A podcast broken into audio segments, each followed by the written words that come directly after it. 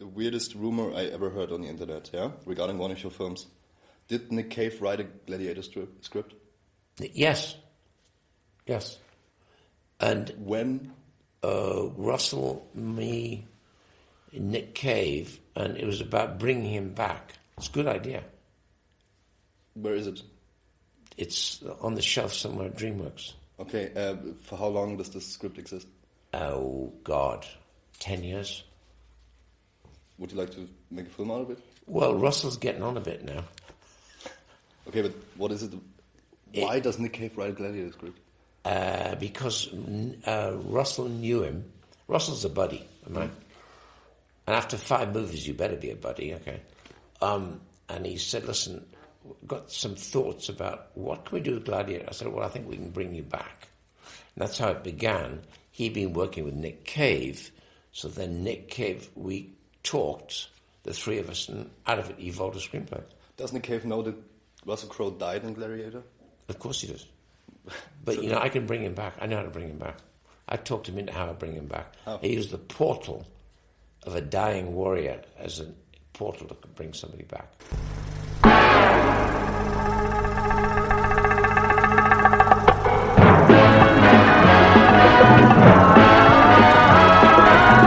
When it comes to entertainment, you can't beat a good film.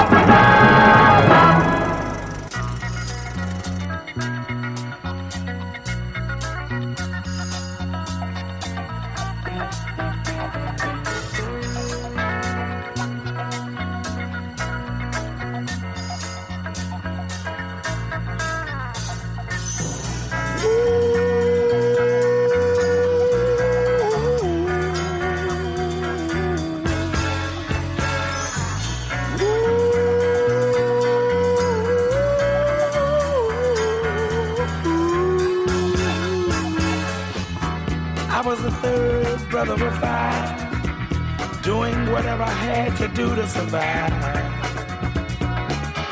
I'm not saying what I did was alright.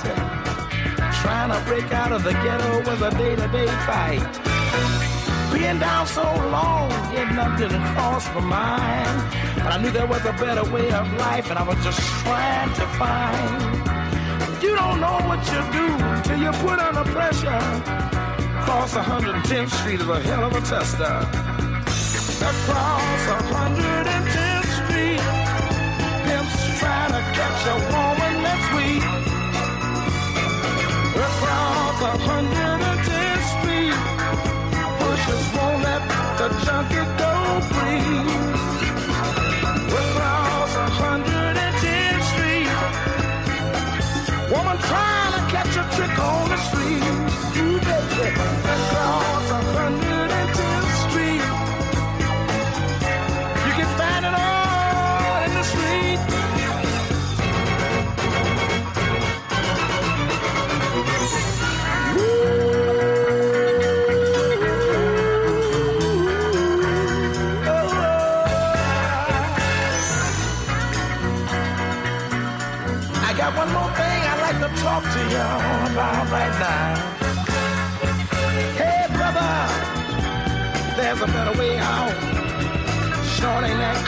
Shooting that dope, man, you're copping out. Take my advice, it's either live or die. You got to be strong if you want to survive. The family on the upper side of town will catch hell if without a ghetto around. In every city you'll find the same thing going down. Harlem is the capital of every ghetto town. Let me sing it. Across 110th Street, pimps trying to catch a woman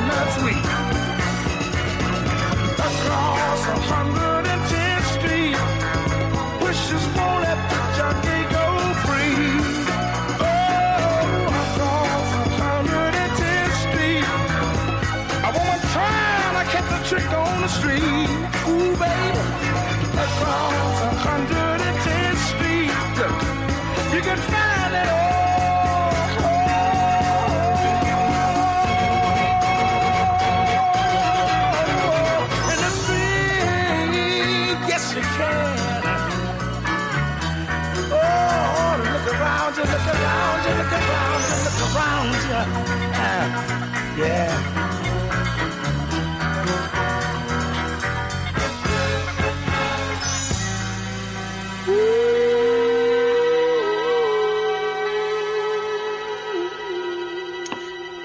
Goedemorgen, goedemiddag, goedenavond of wanneer je dan ook luistert. Welkom bij weer een nieuwe aflevering van Inglorious Rankers. De podcast waarin we films ranken van franchise tot filmjaar en van acteur tot regisseur. En ehm, natuurlijk weer samen met Paul Hazelhoff. Paul, hallo, daar zijn we weer. Hoi hoi. en, eh, we gaan, jazeker. En we gaan natuurlijk weer verder met onze eh, Ridley Scott ranking. En wel de ranking in de periode van 2000 tot en met 2008. Om het te- om heel exact te zijn. En dan eh, later eh, in het jaar zullen we ook eh 2000, vanaf 2008, maar eigenlijk is het 2010 tot en met eh, heden eh, eh, te ranken. En misschien mogelijkerwijs, Paul, zat ik te denken, dan in 2023 maar een definitieve Ridley Scott ranking of zo. of misschien over twee Ah. jaar. Misschien moeten we die een beetje uitstellen, want we hebben zoveel leuks wat allemaal nog. eh, Ja, er gaan nog zoveel komen mensen. ja, ja, Er er gaan heel zoveel komen. Ja, ja, we hebben heel veel leuke dingen eh, in petto. Eh, wat we aan het einde van de vorige aflevering ook zeiden. Heel veel met gasten die gaan meedoen. Er komen heel veel leuke dingen aan. Dus het wordt echt, eh, echt een feestje. Ehm, eh, ik heb natuurlijk onlangs met Dana Buckler opgenomen. de John Travolta ranking. En hij zal ook binnenkort met ons beiden aansluiten ergens. We zullen niet precies vertellen waar dat over zal gaan. Maar het, er wordt mogelijkerwijs ook een eh, gast die regelmatig zal terugkeren. Dat is superleuk. Ehm, en dat brengt dus ook een klein beetje bekendheid in Amerika. Ja, wie weet. Wie weet. Ja, maar eh, aan de reacties te zien, die ik ook bij Dana Buckler zie binnenkomen op verschillende kanalen, zie ik dat eh, ehm, ook echt wel zijn luisteraars natuurlijk ook luisteren naar ja, die afleveringen. Dus ook waar hij te gast is. Dus dat is wel, eh, wel leuk. En dan zag ik laatst zag ik een, eh, reactie met eh, Thank you, Finny Boy. Dacht, ik, oh, dat is dan wel weer grappig. Ik denk, oké, nou ja, maar dat zijn allemaal leuke dingen. Maar het, mooiste is dat het allemaal mensen zijn die van film houden en waarmee we gewoon een hele leuke avond hebben. En gewoon om onze liefde voor film te delen. En dat, dat, maakt het, dat maakt het zo bijzonder, vind ik. En nogmaals, wij, doen, passie, inderdaad. Precies, ja. En wij doen dit Ja. zonder financiële eh, eh, bedoelingen of winst. Of wat. Dat zit er heel, is er compleet niet eh, aan verbonden. En dat maakt het juist eh, zo leuk. En daarom willen ook zoveel mensen meedoen. Want het is ongedwongen en eh, gezellig. En ehm, nou ja, we gaan het over Ridley Scott hebben vanavond. En mocht je, we zeiden het net over aan, de, aan het einde van de aflevering eh, hiervoor ook al. Van, eh, mocht je jouw ranking willen delen met ons, graag. Wij zijn ook heel benieuwd naar jouw mening en jouw visie over de films die voorbij komen. En ehm, eh, voor de intro eh, een stukje van Ridley Scott, een stukje interview over het maken van Gladiator 2. En in dat stukje interview, eh, de interviewer zegt van, klopt het dat Nick Cave, hè, de zanger Nick Cave, het script heeft geschreven voor Gladiator 2? En Scott bevestigt dat in het interview. Ja, dat klopt. Dus Nick Cave heeft een script geschreven voor Gladiator 2. En Ridley Scott vond dat een geweldig script. Maar het ligt nog op de schap. er is Ja, er niks mee op een- gedaan. Hij heeft meerdere scenario's geschreven, hè? Nick Cage. Dus Ja, eh, Cave, sorry. Cave, ja, Nick Cave, ja, ja. Dus het ehm, is, is op zich geen vreemde in filmwereld, laat ik het zo zeggen. Nee, nee. Hij heeft, Ja. eh, heeft wel meer, vooral eh, allemaal, eh, sorry, Australische producties heeft hij gemaakt. Ja, Of geschreven. ja. Dus, ehm dus een multitalent. Ja, ja, ja, ja. Nick Cave, het is een heel. Ja, iedereen, de, de meeste luisteraars zullen die man wel kennen. Ik, ik ben een liefhebber van Nick Cave, ook van zijn muziek. En wat die man, eh, ik wil hem ooit nog een keer live zien, maar zijn concerten schijnen een soort van hypnotische uitwerking te hebben. En dat, er- dat mensen, dat, vooral vrouwen, het is echt bizar. Het is echt best wel niet een hele bijzonder knappe man om te zien, maar het is een heel eigenaardige vent. Wel een goede, go- ja, creatieve, eh, vriendelijke man. heeft een mooie documentaire ook over hem gemaakt. over het verlies van zijn, eh, van zijn zoontje, zijn kindje. Heel indrukwekkend. Maar dat mensen worden gek als ze die man zien. Het is echt bizar dat je wat er tijdens die concerten gebeurt. Dus ik hoop ik ooit nog eens mee te maken.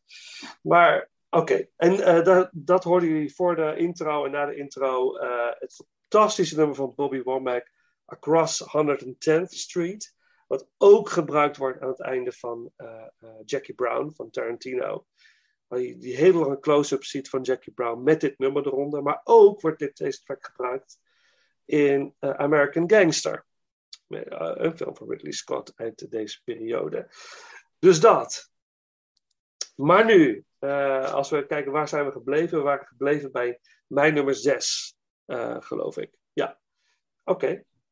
Nou, mijn nummer 6. Today is Greedy Bastard Day. In the city, he was very popular. Burn in hell, rot in hell, die. It's times like this when everyone hates you. That's when it's fun. But away from all that, You tried to run me over with your little car and had your head stuck very far up your. she's fantastic. He's finally met his match. Any chance of a rope? Can you swim? Bollocks. Academy Award winner Russell Crowe. Are you trying to seduce me? Never even crossed my mind. Not more than six or ten times. A good year. Rated PG-13. November 10th, only in theaters. Mijn nummer 6 is A Good Year. Dat was bij jou, stond hij ietsjes lager. Nummer 7. Ja, nummer 7. Ehm, jouw nummer 6 was Hannibal. Daar sloten we de vorige aflevering mee af. En nu, eh, ja, A Good Year, eh, 2006, film met Russell Crowe. De zoveelste in eh, deze periode. Eh, Ridley Scott heeft veel met Crowe samengewerkt. En ik vind dat. ehm,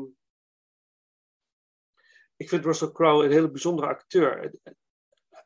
Je ziet Russell Crowe, maar hij transformeert wel tot het personage. Dat vind ik dat soort Al Pacino-achtige vibe. Van, het is altijd Al Pacino. Maar op een gegeven moment, na tien minuten, geloof ik dat hij iemand anders is. Dat is echt heel gek. Maar ehm, ik, ik, deze film was al in de vorige aflevering verteld. Het gaat over, over een, een, een Britse eh, eh, eh, beurshandelaar. Die eigenlijk aan het begin van de film een, een, een soort truc uithaalt. Dat hij eigenlijk eerst eh, al zijn aandelen verkoopt. Of een heel groot deel van zijn aandelen verkoopt. En dan die beurs die gaat gigantisch dalen. En dan koopt hij alles weer terug voor een hele lage prijs. Dus hij, hij maakt gigantische winst op dat moment. Maar volstrekt illegaal. Dat is, dat niet de manier waarop je het moet doen. Dus hij haalt heel veel binnen. En eh, hij is eigenlijk de king of the world. Want hij, is de, main man. En terwijl hij eigenlijk geniet van zijn succes, krijgt hij een brief dat inderdaad zijn oom is overleden. Aan het begin van de film zie je hem als kind een potje schaak spelen met die oom eh, in Frankrijk, op een landgoed. En dan drinken ze ook allebei wijn. Want die, die, die oom is een wijnhandelaar eigenlijk en een wijnverbouwer. Eh, hij, hij maakt wijn op dat landgoed. En dat is heel mooi, want hij schenkt dan een heel specifiek glas eh, wijn in. En dat eh, Russell Crowe als kind zijnde wil ook wijn, maar dan krijgt hij er een hele sloot water bij. Waardoor het, eh, het effect natuurlijk qua alcohol minder wordt. Maar hij mag er wel van, van drinken. Vond ik heel bijzonder mooi. eh, mooi eh. Toen had die film eigenlijk al, eh, was, ik, was ik al om. Klaar. Door die, ja, die, Klaar. ja, ja, Aftiteling. ja, nee, ik vond het zo mooi. Hoe, de- je zag gewoon die hele bijzondere band tussen die twee. En dat vond ik heel bijzonder. En eigenlijk is, is, is het karakter van Crow helemaal vervreemd van zichzelf eigenlijk. Hij is helemaal, eh, wordt helemaal eh, opgezogen in die, in die eh, aandeelwereld. de wereld van het grote geld, het snelle geld. Maar hij geniet van zijn succes en dan krijgt hij een brief dat zijn oom is overleden.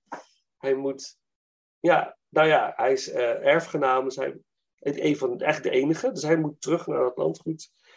Eigenlijk meer de veronderstelling van ik verkoop die hele zooi. Dan heb ik weer geld. Maar volgens mij is hij niet de enige, hè? Nee, nee dat klopt. Nee, de, die, eh, de, de, eh, de huishoudster. Is dat goed? Zeg ik dat nou goed? Nou, Abby Cornish, die, eh, die heeft volgens mij ook een bepaalde... eh, Ja, erf, eh, erfrecht, om te zeggen. Ja. Want dat was Ja. ineens een onverwachte factor. Ja, klopt. Klopt, eh, klopt. Dat, is, dat komt later inderdaad eh, aan bod, inderdaad. Maar in, in eerste instantie denkt hij dat hij de enige is die, die, het, eh, die het zomaar kan verkopen. En dat wordt allemaal nog wel iets, iets gecompliceerder, inderdaad. Ja, dat komt later. Maar in, in basis denkt hij van, I've got the power, ik ga het, eh, ik ga het fixen. En ehm, er gebeurt, hij gaat naar Frankrijk en ondertussen eh, komt men erachter in, in, eh, in Londen dat hij gewoon de boel heeft besodemieterd. En eigenlijk wordt hij ontslagen. Dat is eigenlijk wat er gebeurt. Het is eigenlijk niet meer. en eigenlijk wil hij eigenlijk zijn, zijn, zijn, zijn hachje gaan redden en terug naar Londen. Maar er gebeuren allerlei dingen alsof het universum ingrijpt om Mhm. daar in Frankrijk te houden. Als eigenlijk, of zijn oom vanuit het hiernamaals allemaal dingen aan het sturen is. Zo lijkt het. het, het- dat, dat zie je natuurlijk niet, maar zo lijkt het. Van, er gebeuren steeds dingen waardoor hij daar wordt gehouden. En eigenlijk wordt gedwongen om zijn leven te herzien. Hij moet zijn hele leven herzien. En, en uiteindelijk resulteert dat in natuurlijk in een eindgoed al goed situatie. Maar niet voordat er ook nog eens hele gecompliceerde dingen gebeuren. Hij gaat, hij gaat nog een keer terug naar Londen. Hè, die eigenlijk op het punt zit om de boel te verkopen, maar uiteindelijk dan toch weer terugkeert. Hij eh, ontmoet een eh, bijzondere vrouw daar, die in het begin ook bijna aanrijdt in eerste instantie. Oh, ja. Ja, die eigenlijk dus een verschrikkelijke hekel aan hem heeft. Maar eh, eh, Marion Cotillard, Fanny. eh, Nou, hij doet niet echt zijn best hè, om, om, om aardig gevonden te worden. Hè. helemaal niet. Het boeit In het niet. begin. Dat je ook denkt van... Nou, ik snap wel dat die Fransozen... ehm, Ja. je niet moeten. En vooral die, die, die, die, die, die, die landknecht, of wat het is... volgens mij de man van de, van de huishoudster of zoiets. Die dan al die jaren het land goed onderhouden heeft. En nou ja, dus, ik vind het zo'n briljante chemie tussen die tweeën van... eh, ja, eigenlijk achter de rug om gebaren maken en eh, uit het vuil springen als een fassoos. Ja. ja, heerlijk. Ja, ja, Echt, ik- eh, ik- hij, ja, hij- ja. hij heeft de lakkers op de hand, om zo maar te zeggen, die man. eh. Absoluut, absoluut. En af en toe die flashbacks die, die, die, eh, eh, waarbij je als kijker ook gaat zien dat, dat, dat er eigenlijk ja, dat hij eigenlijk daar thuis hoort. Hij is vervreemd van zichzelf. En hij vindt eigenlijk een beetje de rust terug. En eigenlijk een beetje waar, waar het leven soort van om draait. En eh, het, is een heel, het is een heel simpel verhaal. Met een hele mooie boodschap. En in al die eh, grootste films in deze periode is dit echt een minuscuul juweeltje. Wat Lijkt een beetje op een eh, werkvakantie. Ja, ja, ja. Voor ja, hem, ja, denk ik, ja, oh ja, ja. precies. Ja, Heeft ook gemaakt na, even kijken, Kingdom of Heaven. Dat was op zich denk ik geen kleine film om te maken. Dus ik was, denk, oh, ik zit nu in Frankrijk en eh, Ja. ik, oh, ik ga dit nou eens doen. eh Ja, ja. Verveel me een beetje, alsof je Ja. dan met een, met een huiscamera door, door het landgoed bijna te rennen. Zo Ja. oh, het zou leuk zijn als ze dit doen, Ja. dat doen. Dus, Ja. eh, Ja, heel bijzonder. En, en natuurlijk zitten een aantal, af en toe zelfs een beetje, een beetje, een beetje slapstick-achtige elementen zitten erin. Het is gewoon een hele fijne film. Ik, vond- a good year, a good movie. ik vond het ja, ik vond het wel ook leuk eh, wat Ja. je zei van, je ziet Russell Crowe ook eens een keer in een iets echt een andere rol, hè? Ja. Dat hij op zich echt wel, eh, echt wel ehm comedian ook, ja, zeg maar, een romantische film aan kan, zeg maar. Ja, Dat hij daar echt wel een potentie van heeft. Ehm, Ja. Nu niet meer, denk ik. Maar toen op tijd, eh, met, met zo'n figuur en uitstraling, denk ik van absoluut. Ja. Dus, ehm, Ja. ja, dus, eh, ik vond dat, vond dat ook een hele aangename verrassing, om zo te zeggen. Ja. Om, om Russell Crowe in zo'n rol te zien, zeg maar. eh. Ja, ja dat, dat ook nog eens. Ja, dus ik, ik, als je niet, volgens mij hebben niet heel veel mensen deze film gezien. Het is niet een hele bekende film. Ik zag hem ook niet op Netflix voorbij komen. Hij is te zien via eh, Prime Video, als je hem wil bekijken. Eh, het ja, Disney Plus. Ook op Disney Plus? Oh, Volgens mij, ik zag hem volgens op mij is het Prime film van Video. 20, eh, 20th Century Fox, geloof ik. Oké. Ehm, Ja. Maar ik kan me ook vergissen. Dus eh, Ja, lieve ja. mensen, geen boze mails of iets dergelijks. ik, Nee. eh, Nee, nee. Nee. Sorry, Maar- sorry. Het is in ieder het is een prachtige film, met prachtige beelden, mooi camerawerk, mooie kleurenfilters. Het, het, het, is, het is echt een, een, een, een pareltje. Het is een pareltje. Voor een zomeravond. Ja, absoluut. Leuk Ja. film voor zomeravond. Ja, Ik met een goed glas wijn. Precies, of twee. Of twee. nou, we hebben er al een eh, stukje muziek van gedraaid in de vorige ronde. eh, net de trailer gedaan. Dus eh, dan kunnen we eigenlijk eh, over naar jouw nummer. You're a con man? Con artist. Matchstick Man is deviously clever with a hip sense of humor. It's a 21st century version of The Sting. How much you think we can take that guy for? 30 grand. More. A million? Nicolas Cage turns in a tour de force performance with heart and soul. I'm not very good at being a dad. I barely get by being me. Director Ridley Scott has a wealth of tricks up his sleeve in this twisty caper comedy. Matchstick Man, rated PG 13, starts Friday, September 12th. Vijf. Vijf. Yes. Mijn nummer vijf is ehm, Matchstick Man.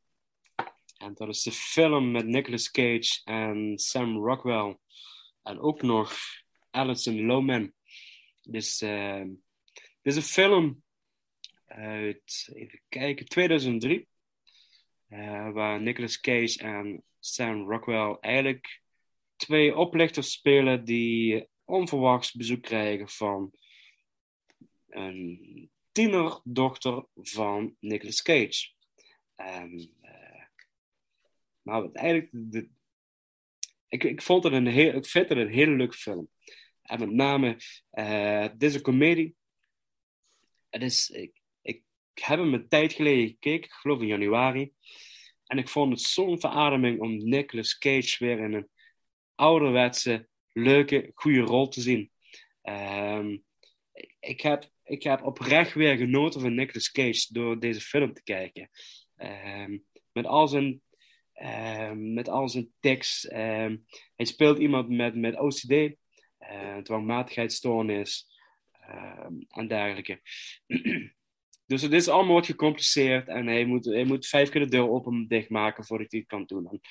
En hij gaat er zo ver in en het is gewoon echt genieten.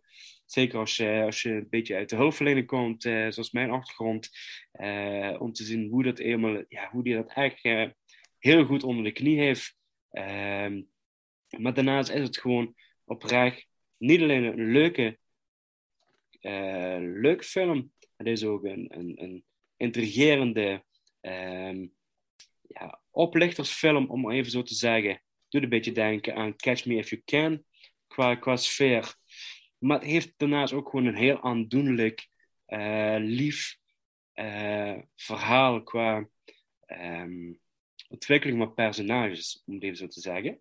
Eh, want je gaat echt oprechte sympathie voor het karakter van Nicolas Cage krijgen. Ehm, dat je ja, misschien wel op het einde een beetje met een zaddoek in de hand zit. Dat je denkt van, ja, wat een arme ja, man is het toch. Ik wil wat anders zeggen, maar wat een arme man is het toch. eh, dat, eh, dat dit op zijn leven, op zijn pad gekomen is, om het zo te zeggen. Ehm, eh, zonder niet te veel te spoilen, want ik zou eigenlijk op zich willen zeggen van mensen, ga deze film kijken, want het is absoluut een aanrader. Eh, zeker als je eens een keer wat anders wilt. Eh, Ja. Ook in die tijd van 2000 en even kijken, drie was ook wel een meer een tijdperiode van meer van die films met oplichters en con arts en dat soort dingen allemaal. Dus het is een, er is op zich genoeg materiaal om te zien. Eh, het loopt op zich niet zo goed af met het personage van Nicolas Cage. Eh, in elk geval, eh, ja, een, een oplichterspraktijk gaat niet goed, laat ik het zo zeggen. Ehm, maar hij heeft wel gewonnen op een ander front. Mhm. Ehm, en dat vind ik gewoon een hele mooie boodschap in deze film. Mhm. Hij heeft, heeft mogen ervaren hoe het is om. Nee, dat ga ik niet zeggen. ik ga het niet zeggen, want dan denk ik van, dan ga ik te veel verklappen. En ik vind, eigenlijk, ik vind het te mooi om het niet te vertellen. Ja, Dat ik ja. denk van, Ja. eh, Aan de ene kant heeft hij verloren, maar aan de andere kant heeft hij gewonnen. En eigenlijk vind ik dat mooier. De winst wat hij gekregen heeft, vind ik te mooi om te zeggen van, ah goed, dit is de clue, de punchline van deze film. Ja. Dat ga ik niet doen. Nee. Dus, eh, Nee. nee, dat, eh, sorry mensen. Het, eh, ik, ik had even een fractie van een seconde dat ik dacht, nee, ik ga het niet zeggen. Nee, dat is, is niet leuk. Dan ga je de hele clue van de film mee wegnemen. Ehm, maar mijn nummer vijf, omdat ik, omdat ik het eigenlijk gewoon een leuke, vermakelijke film vond. Ja. Zeg maar. Ja. En dat is, dat is gewoon, ik vind het gewoon echt een hele lastige ranking, eh, deze tien jaar. Dat, het lijkt allemaal zo dicht bij elkaar, deze films. Eh, Ja.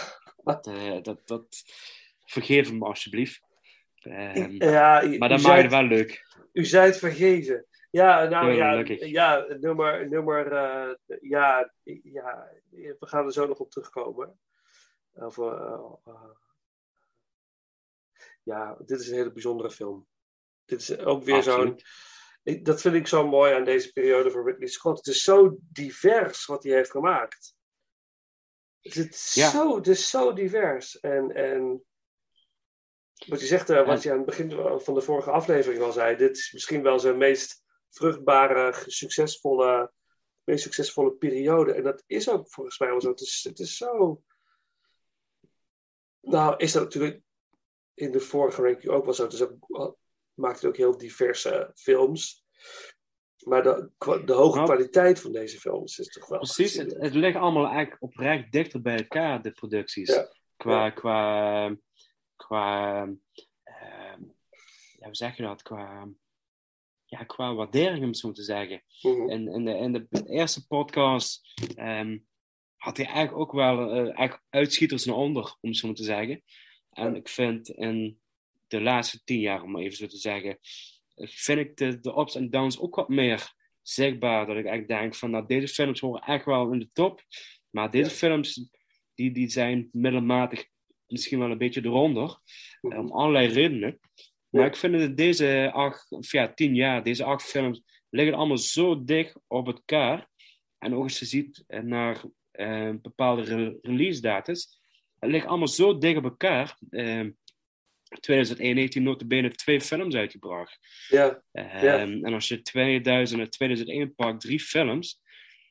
En dan heb je het dan, en ik noem even willekeurig dan even de films op. Dat heeft niks met ranking te maken, maar dan heb je het wel over Gladiator, Hannibal en Black Hawk, Black Hawk Down. Dat zijn eigenlijk drie grote producties. Dat is echt, eh, dat, dat zie niet veel grote mensen. Spielberg doet dat volgens mij niet eens, om zo te zeggen. Nee. En hij staat er gewoon bekend om zijn snelle werkwijze, omdat hij altijd met meerdere camera's werkt. Ehm, dat, dat is schijnbaar ook iets wat heel veel mensen niet beseffen, maar vaak worden scènes, als je niet over actiescènes praat of dergelijks, alleen dialogen worden vaak met een enkele, misschien max twee camera's ehm, opgenomen. Mhm. En Scott staat er bekend dat hij op dat moment gewoon met vier, vijf camera's vanuit sch- verschillende eh, oogpunten eh, ingezoomd staat om zoveel mogelijk beeldmateriaal te creëren in één dialoog. hè. Om Ja. dat vervolgens weer in de montagekamer te kunnen gebruiken en daar ja, het, het maximale eruit te halen. Dus hij heeft ook vaak maar twee, drie takes nodig voor een dialoog. En dan kan hij weer verder. In plaats Ja. waar andere. Regisseurs met ja, vier, vijf, zes, om maar even zo te zeggen. Ja.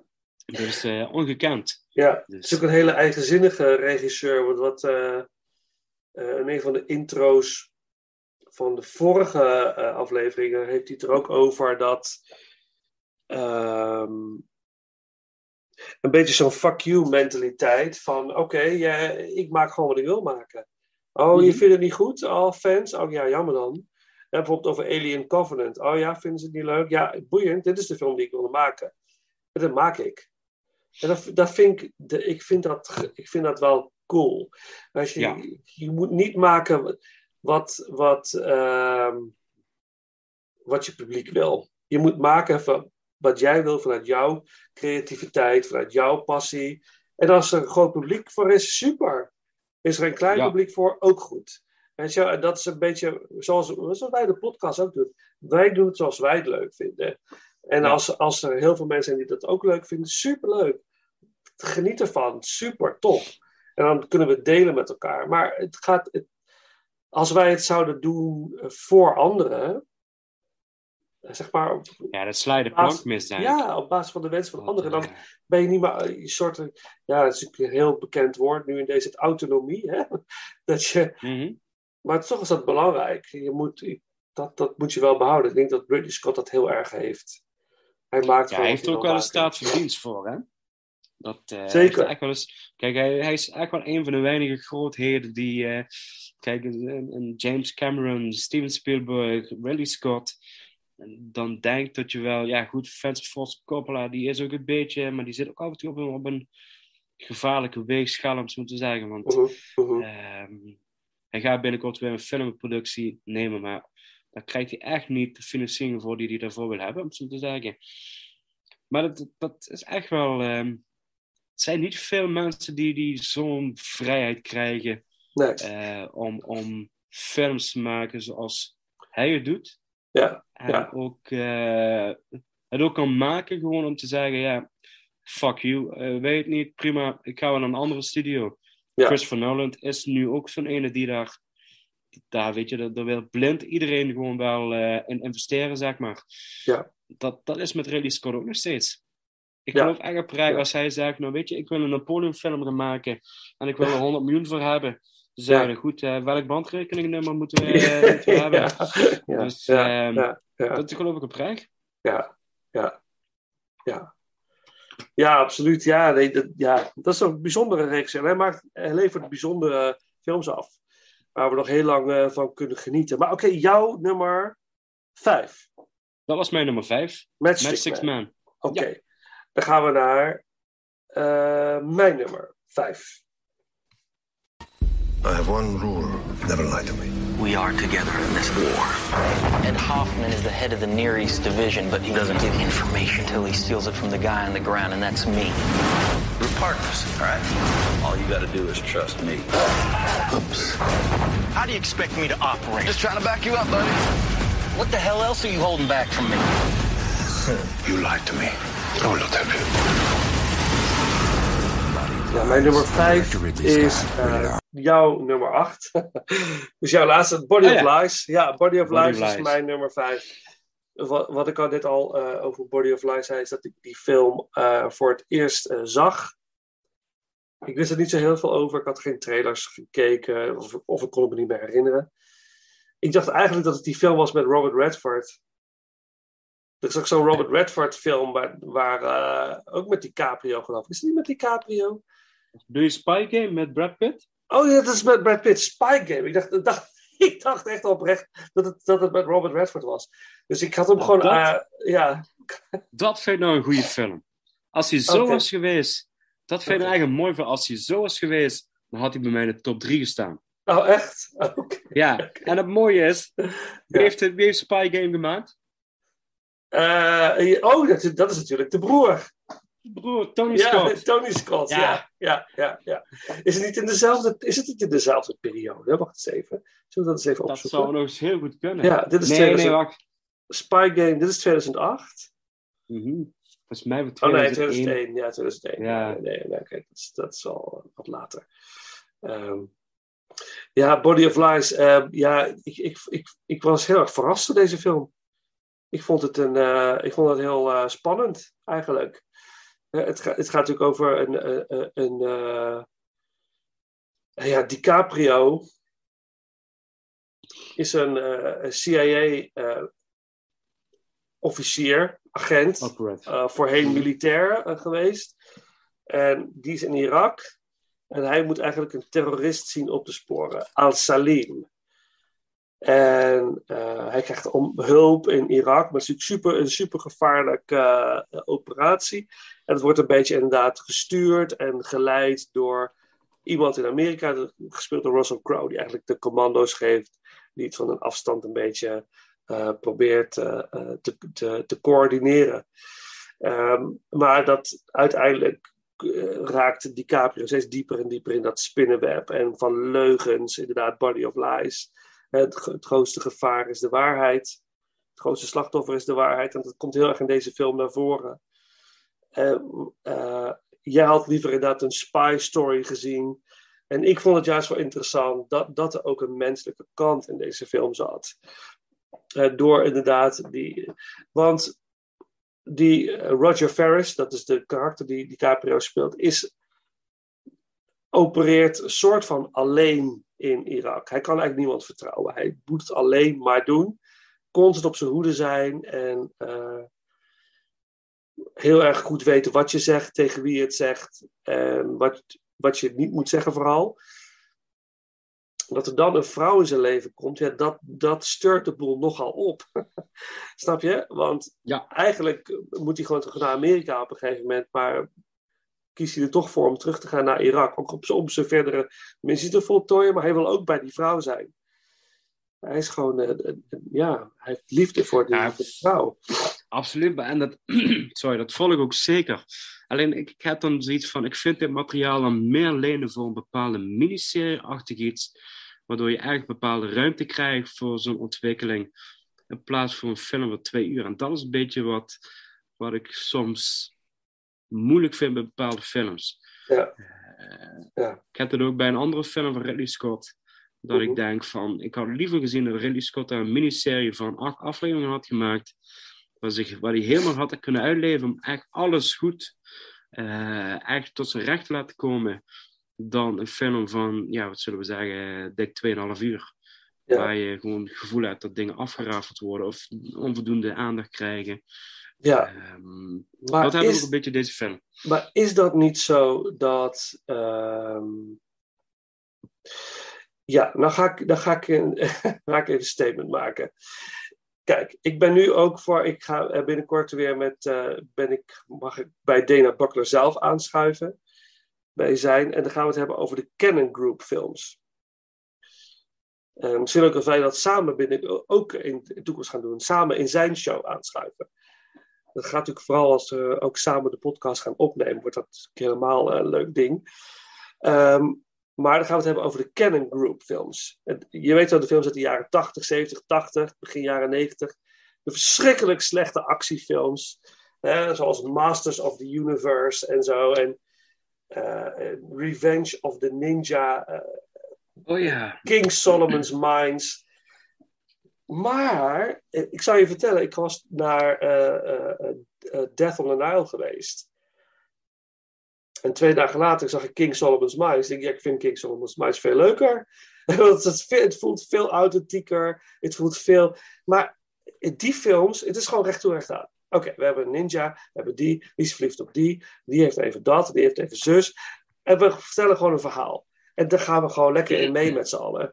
En, en soms mis ik dat in deze tijd. Laat nou, geef ons nou gewoon, gewoon. Het had de Batman ook wel een beetje. Geef ons maar gewoon even. Gewoon even. In, in die twee uur, die tweeënhalf uur, die twee uur en een kwartier, of die anderhalf uur. Ik geloof het wel. Maar snap je? En eh, ik, kan heel, ik kon heel erg genieten van die Canon films. Masters of the Universe.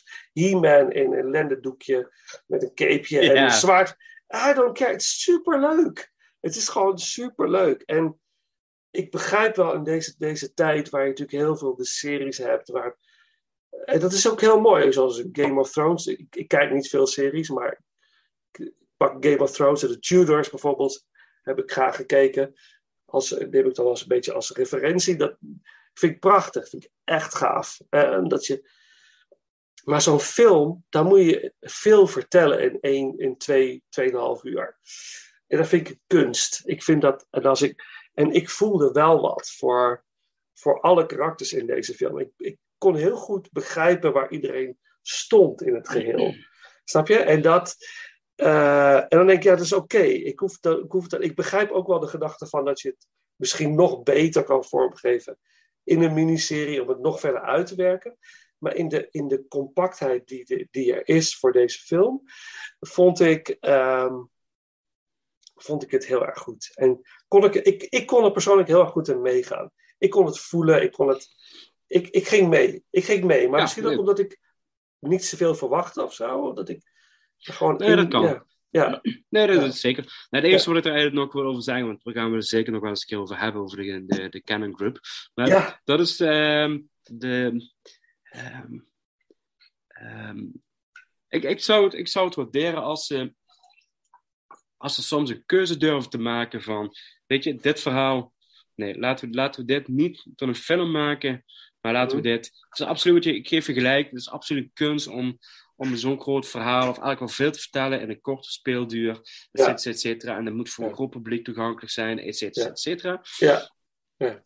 Ik geef helemaal gelijk in, maar ik, ik hoop eigenlijk van dat ze, dat ze iets, ehm, ik weet niet, dat, dat, dat ze het lef hebben om te zeggen, nou weet je, dit, dit project doen we niet, maar dit project ehm, laten we er hiervoor kiezen voor om dat eh, in een miniserie eh vorm te doen, om het zo te zeggen. Dat Ja. ze daar gewoon iets, iets serieuzer mee aan de slag gaan, om het zo te zeggen. Mhm. dat, dat is iets wat ik meer hoop. En, ehm, en geeft die regisseur dan, in dit geval Ridley Scott, ook gewoon dan die vrijheid om Mhm. die miniserie te maken.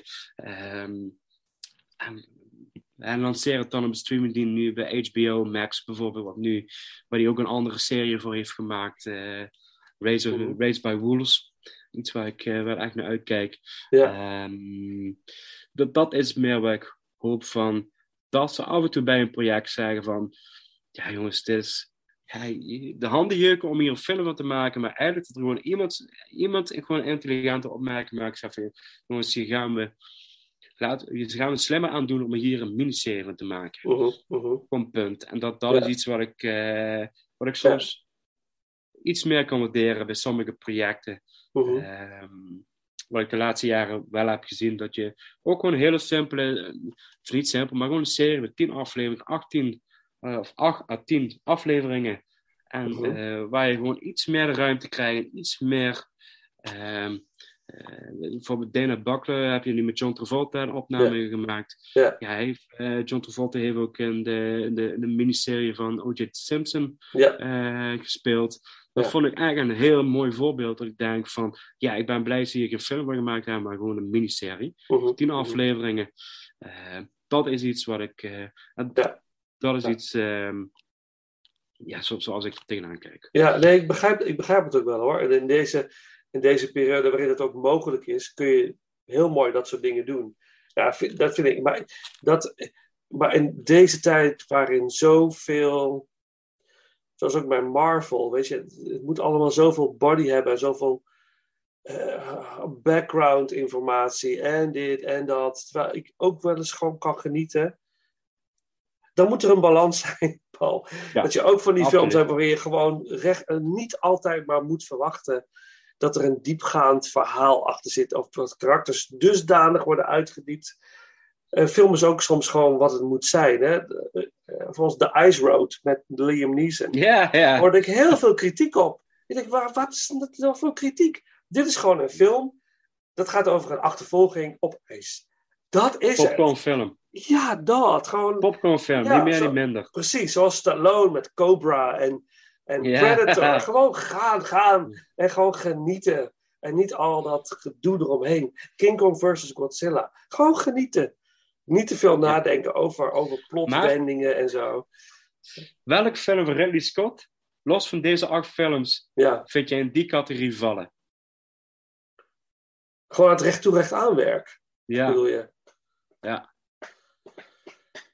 Oh, dan moet ik, dan moet ik even zijn lijst Van erbij al zijn, eh, wat zal het zijn, kleine 30 films die hij gemaakt heeft. Ja, Black eh, Rain is voor mij een van de eerste titels waar me zo te binnen.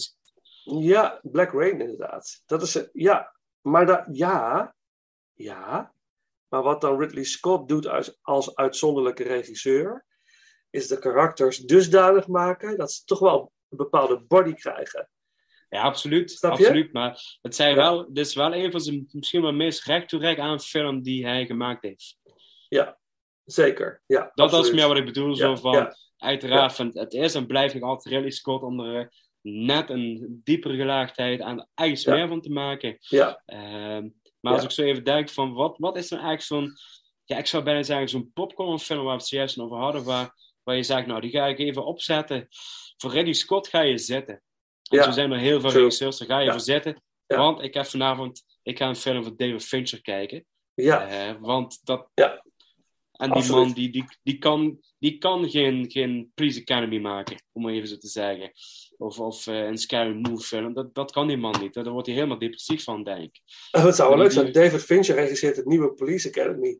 Ja, bijvoorbeeld. dat- Ik noem maar wel iets, iets, twee tegenstrijdige Ja, zaken. ja, ja. Maar dat is bij Ridley Scott ook, van wat ik denk van... Ja. Ja. En misschien Goodyear is wel een mooi voorbeeld van gewoon een recht recht filmpje. Ja. Een vermakelijk popcornfilmpje. Ja, maar daar zit ook weer een hele mooie boodschap in. Daarom. En dat het- is wel weer... Dat is gewoon even Ridley Scott. Dat is Ja. altijd zo'n zo'n gelaagdheid erin zit. Ja, goede vraag tof. ook.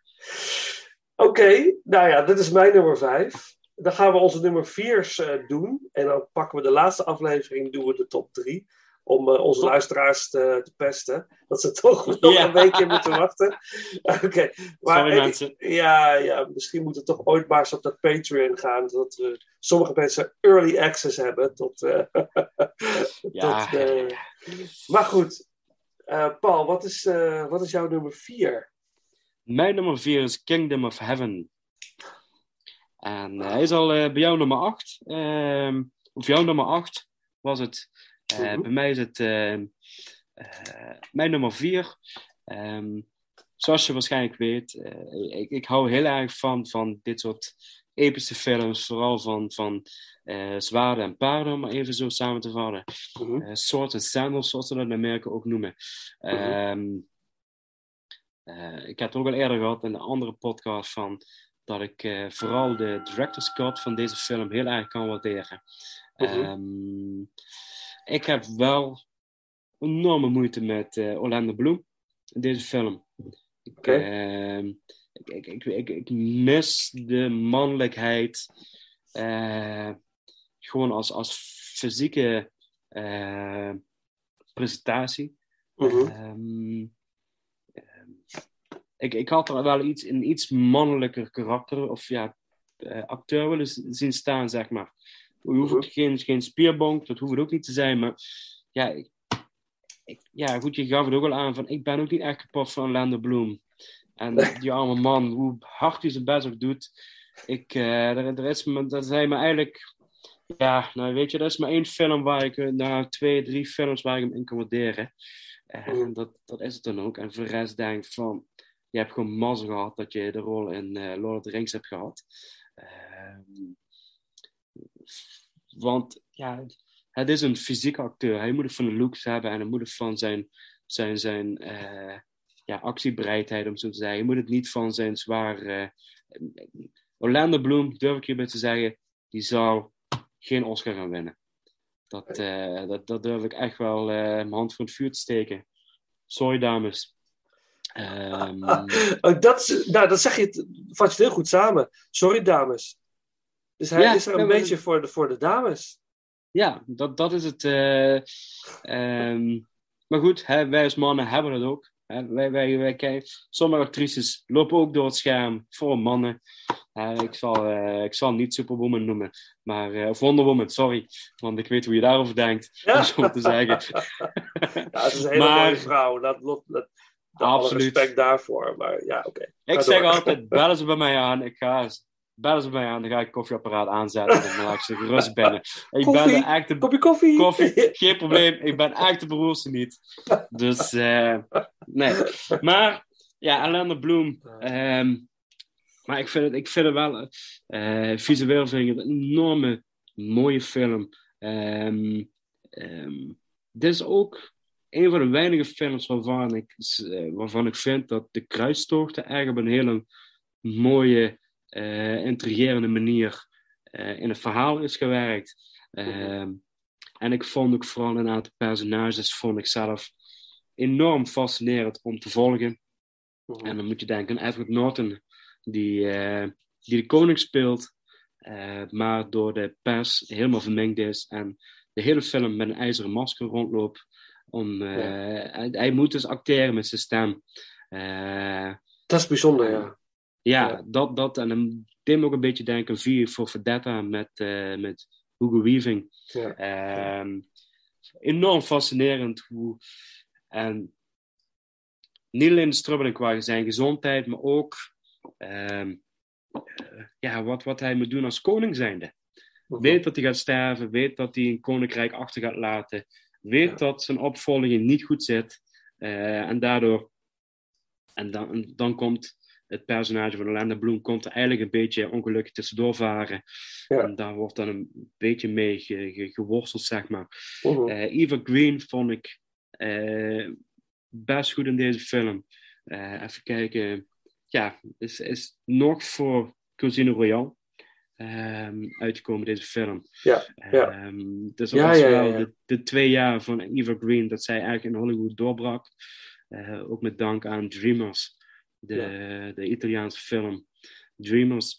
Ehm, ehm, dus ja, dat is eh, voor mij. ehm, ja, ik, ik kan ervan genieten. Dat is echt zo'n film die ik één keer, misschien één keer in twee jaar op en ik kan er gewoon echt volledig van genieten. Ja. Eh, die hoef ik niet te vaak te zien, maar het is, ik, ik vind dat Ridley Scott wel echt.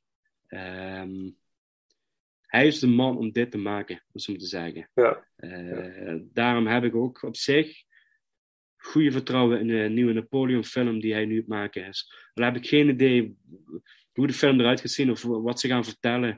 Eh, wordt, wordt het inderdaad een film met slagveld of wordt het een film met, met, met veel praat, om even zo eh, een onderscheid te maken? Weet ik nog niet, maar Ja. ik kijk er wel naar uit. Dus hij is echt wel zo'n man die, die je dit kunt toevertrouwen, zeg maar. Ja. Ehm, en dat er ook genoeg voorbeelden zijn geweest in het verleden dat het dus niet werkt.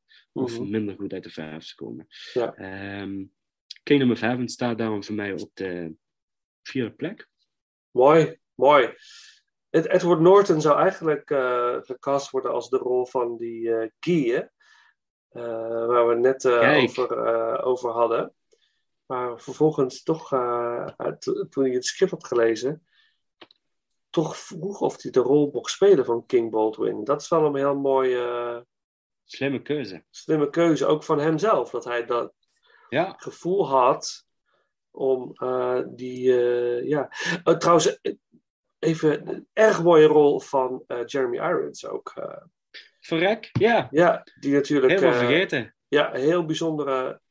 De rechterhand van de koningin eigenlijk, hè?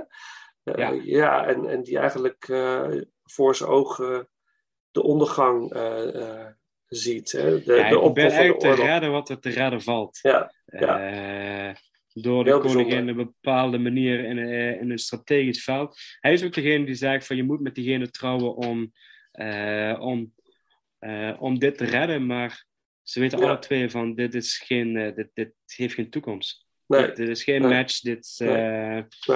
Hij, hij weet dat hij eigenlijk haar, eh, ja, ik wil niet zeggen naar de afgrond duwt, maar dat ze wel doodongelukkig zal zijn. Ja. Ehm, ehm, en ook, ja, ze verliest een kind in de film. Wat ik ook Ja. eh, heel indrukwekkend eh, ja, gebracht vond. Ook door de Oeh. pers en dergelijke. Zo ja, dat was ook een heel mooi stuk inderdaad. ja, dat was vooral het denk van, dat, daar vond ik haar haar sterkst, om zo te zeggen, als eh, wanhopige en ook ja, rouwende moeder, Ja. die, die, eh, die niet moeder mag zijn, maar koningin moet zijn, omdat ze vooral eh, ja, het koninkrijk van haar broer Ja. moet redden, tussen aangestekens, eh, door keuzes die ze moet maken en bepaalde posities in moet nemen, zeg maar. Ja, ja. ja. Eh, nog even een laatste ding. Ehm, we hadden het in de vorige aflevering over het nummer Fide Cormeum, dat stukje muziek, wat Hannibal gebruikt ook in Kingdom. En ik, zei volgens mij eh, tijdens de kroning was van eh, Guy, als hij gaat trouwen met Eva Green, om het maar zo te zeggen. Maar die muziek wordt gebruikt tijdens de begrafenis van dat kind. Ah, oké. Daar wordt het gebruikt. En het past. Het past, hè?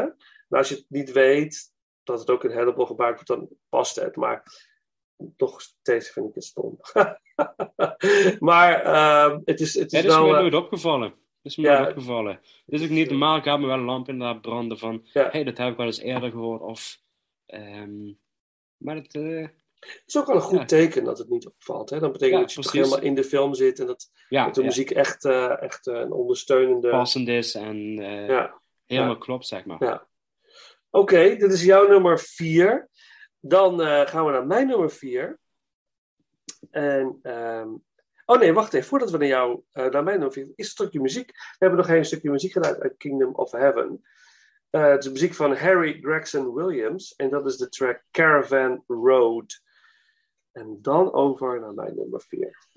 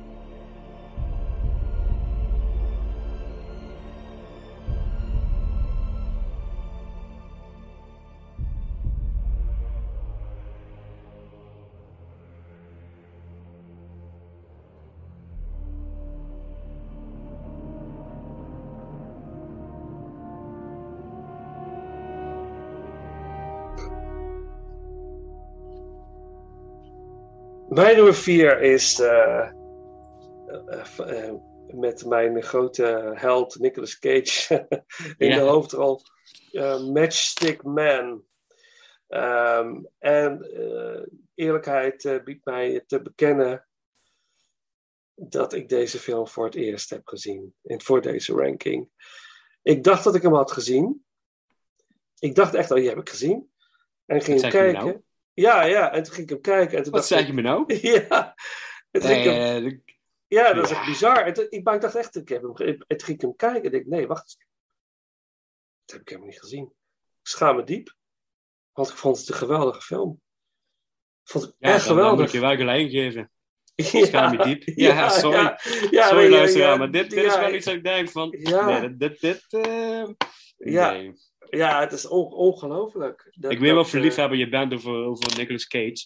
Dus Ja. eh, dat vind Ja. ik wel een, eh, verrassing, eh, moet ik Ja, zeggen. ja, ja, en een andere film die nog straks voorbij komt, heb ik ook voor het eerst gezien voor deze ranking. Vaak ook mezelf voor mijn kop slaan. Die had ik wel tien keer kunnen kijken, die film. Maar goed, dat, eh, daar komen we straks eh, of in de volgende aflevering op. maar, maar, ik kan eh, een heel flauw grapje maken, maar ik me niet. Ja, jawel, doe maar, doe maar. Die moet Ja. je ook maken. Ja, nou, ik denk niet dat het Gladiator is.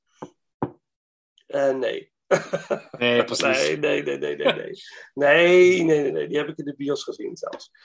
Eh, maar, oké. ehm, Matchstick Man. Eh, jij hebt het ook al over verteld.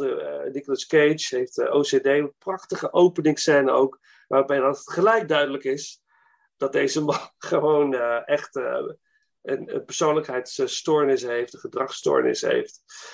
Eh, en hij is inderdaad ook nog een con artist. En samen met zijn eh, collega, fantastische rol van Sam Rockwell. Die op een gegeven moment ook dat. dat op, hij, Cage slikt ook pillen voor zijn stoornis. om het allemaal in bedwang te houden. Op een gegeven moment heeft hij die pillen niet meer. Dat gaat helemaal fout. Dan heeft hij die pillen niet meer. Dus hij is super dwangmatig ineens. Dat hij echt voortdurend het huis aan het schoonmaken is. En hij gaat dus niet naar, naar kantoor om eh, zeg maar hun volgende scheme eh, op te zetten. En die Sam Rockwell, die blijft hem maar bellen. En die verzint voortdurend smoesjes over wat hij allemaal wel niet heeft. Om hem naar hem toe te lokken. Ja, dat is zo'n fantastisch leuke scène. En ik dacht, oh, wat een heerlijke film is dit. En dan krijgt die film een hele bijzondere wending. Want hij moet die pillen hebben. Maar dan moet hij voor naar een arts, naar een psychiater, psycholoog.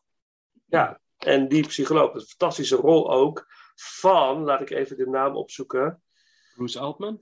Bruce Altman, ja, ja, Dr. Klein.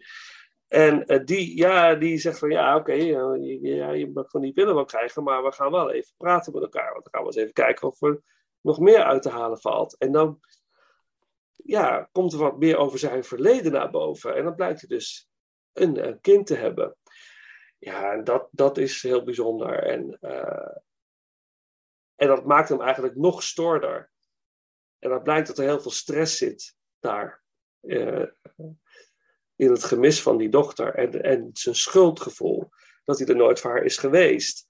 Maar ook, hij zit in een positie, of zijn vrouw wilde ook niet dat hij deel uitmaakte van het leven van zijn dochter. Omdat hij het eigenlijk, hij is een con dus is een crimineel.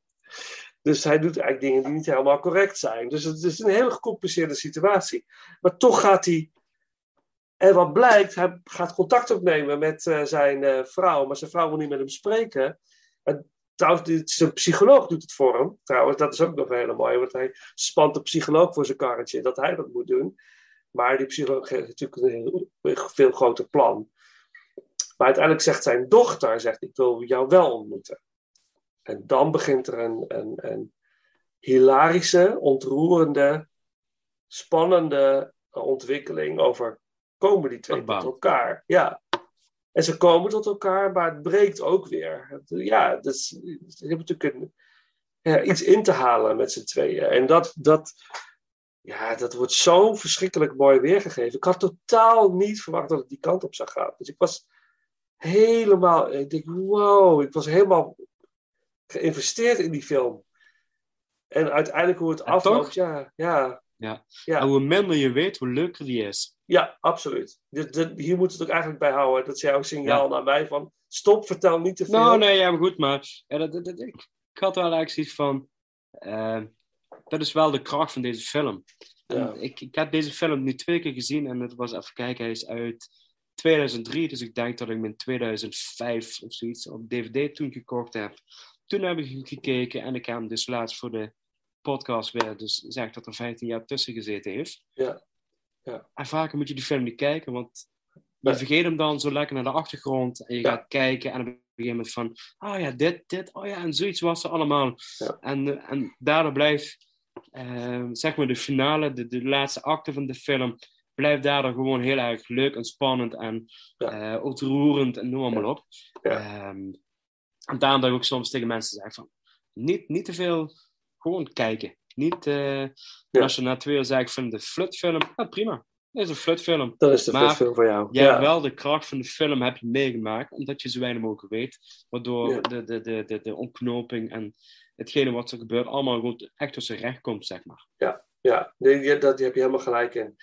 Eh, absoluut. En, en je kunt er gewoon genieten van hoe Cage dit neerzet. En hij laat gewoon zien, het is een fantastische acteur. Heeft hij laatst met de film Pig natuurlijk ook weer gedaan. Hij kan het gewoon nog lijstje. steeds. Weet je, maar hij maakt Ja, gewoon... ik kan het ook. Hij maakt gewoon, gewoon, gewoon films gewoon lekker voor de money. Gewoon, oké, let's do it. Maar ook volgens mij films die hij oprecht ook zelf leuk vindt. Hè? Willy's Wonderland, ja, ik vind het fantastisch. Hij zegt in die hele film, hij zegt in de hele film geen woord. Hij zegt niks. Niks. En het is zo tof. Tenminste, ik, ja, ik hou daarvan. Recht toe, recht aan. Simpel. En la, laten, we lekker, laten we lekker gaan genieten van deze. Ja, ik moet altijd zo lachen op sommige posts van jou op Instagram. Dus zeg, eens even kijken hoe slecht deze is. Ja, dat vind ik fantastisch. Nou, Ja, en soms zijn ze ook gewoon leuk slecht. Gewoon leuk. precies. Ja, Ik zei tegen mensen, ja, je moet soms slechte films kijken om goede films te kunnen waarderen. Zo is het. En, eh, Zo is het. Zo en is soms het. is het ook gewoon heerlijk om gewoon ontspannen. Ja. Gewoon, je weet van tevoren, dit, dit, dit wordt echt een, ja, geen goede film, maar toch geniet je op een bepaalde manier ervan dat je denkt van, oh ja, dat, dat, dat, eh, dat heeft me goed gedaan. Precies. Ik ben overigens wel ontzettend benieuwd naar zijn film van The Unbearable Weight of Massive Talent. Oh, dat is wat er nu komt? Ja, dat is zijn nieuwste film. Ehm, even kijken, het is van dit jaar. En hij staat gepland. Nou, in elk geval, het gaat erom, hij speelt eigenlijk zichzelf. En hij wordt, even kijken, eh, de, de omschrijving op IMDb staat ook gewoon: A cash-strapped Nicolas Cage agreed to make a paid appearance for a billionaire superfan. Ehm, hij moet dus eigenlijk gewoon zichzelf spelen voor, ja, ontzettend veel geld voor een miljonair, totdat hij benaderd wordt eh, to be an informant for the CIA, eh, because the billionaire is a drug kingpin. Um, and get cast in a Tarantino movie. ja. Zie je voor je gewoon? Ja, ja, dat is heerlijk. Ja. Ja, en ook het met gaat- Pedro het gaat- Pascal. Het gaat ook, ja, Peter op. Oh, is even mijn favoriete acteurs van het moment. Oh, wat leuk, wat leuk. Dus ik ben heel benieuwd naar Oh, deze film. Dat is wel eigenlijk wat ik Dit is de eerste film waar ik denk van Nicolas Cage. Ja, die wil ik wel in de bioscoop zien. Ja. Dat ik en dat is de afgelopen week een trailer uitgekomen. Dus ga, of ga misschien niet kijken. ja. Maar dit is, dit, is, dit is zo knotsgek. dat je denkt van ja. Dit, dit moet ik leuk vinden. Dat zijn Ja. we de films eigenlijk. Ja, dit, dit, dit, dit is gewoon van. Dit, dit, dit, dit is een bepaalde manier fout dat het leuk is en dat het goed is. En dat je denkt van oh, heerlijk. Heerlijk. Fantastisch. Dit, dit lijkt Ah. inderdaad op de Canon Group films, achtig iets. Ja, geweldig. Ja, nou, heerlijk. Ik, zie, ik heb hem hier voor me in het beeldscherm. Ja, fantastisch. Oké, mijn nummer eh, vier is eh, eh, dus Matchstick Man. Eh, maar we gaan hem afronden. Maar voordat we dat doen, een stukje muziek uit Matchstick Man. Dat is, eh, hij zegt ook heel vaak Pygmies. Pygmies in, de- in de film. Dus deze track heet eh Pygmies. Eh, muziek eh, door Hans Zimmer. En ehm, eh, ja, die gaan we, daar gaan we even naar luisteren.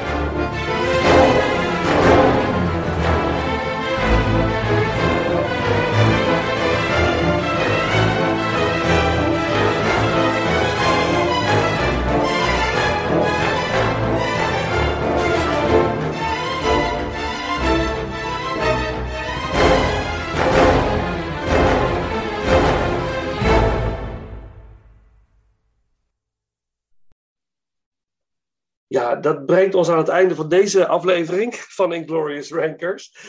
En eh, nou, eh, beste mensen, nogmaals, eh, deel jouw Ridley Scott ranking met ons uit deze periode 2000 tot en met 2008. Eh, en dan wellicht, als jij die ranking deelt, kunnen wij weer meenemen in een van de komende afleveringen. Ehm, eh, dus eh, ja, deel het vooral via de social media kanalen Instagram, Facebook, Twitter of mail met ons ingloriousrankers.gmail.com. Uh, we gaan deze aflevering afsluiten met uh, uh, het nummer Hold On, I'm Coming. en dat is van Sam en Dave, een oude, oude classic. En dit nummer wordt gebruikt ook in de film American Gangster. Um, dus voor nu, beste mensen, bedankt voor het luisteren. En tot de volgende ronde. Tot snel weer.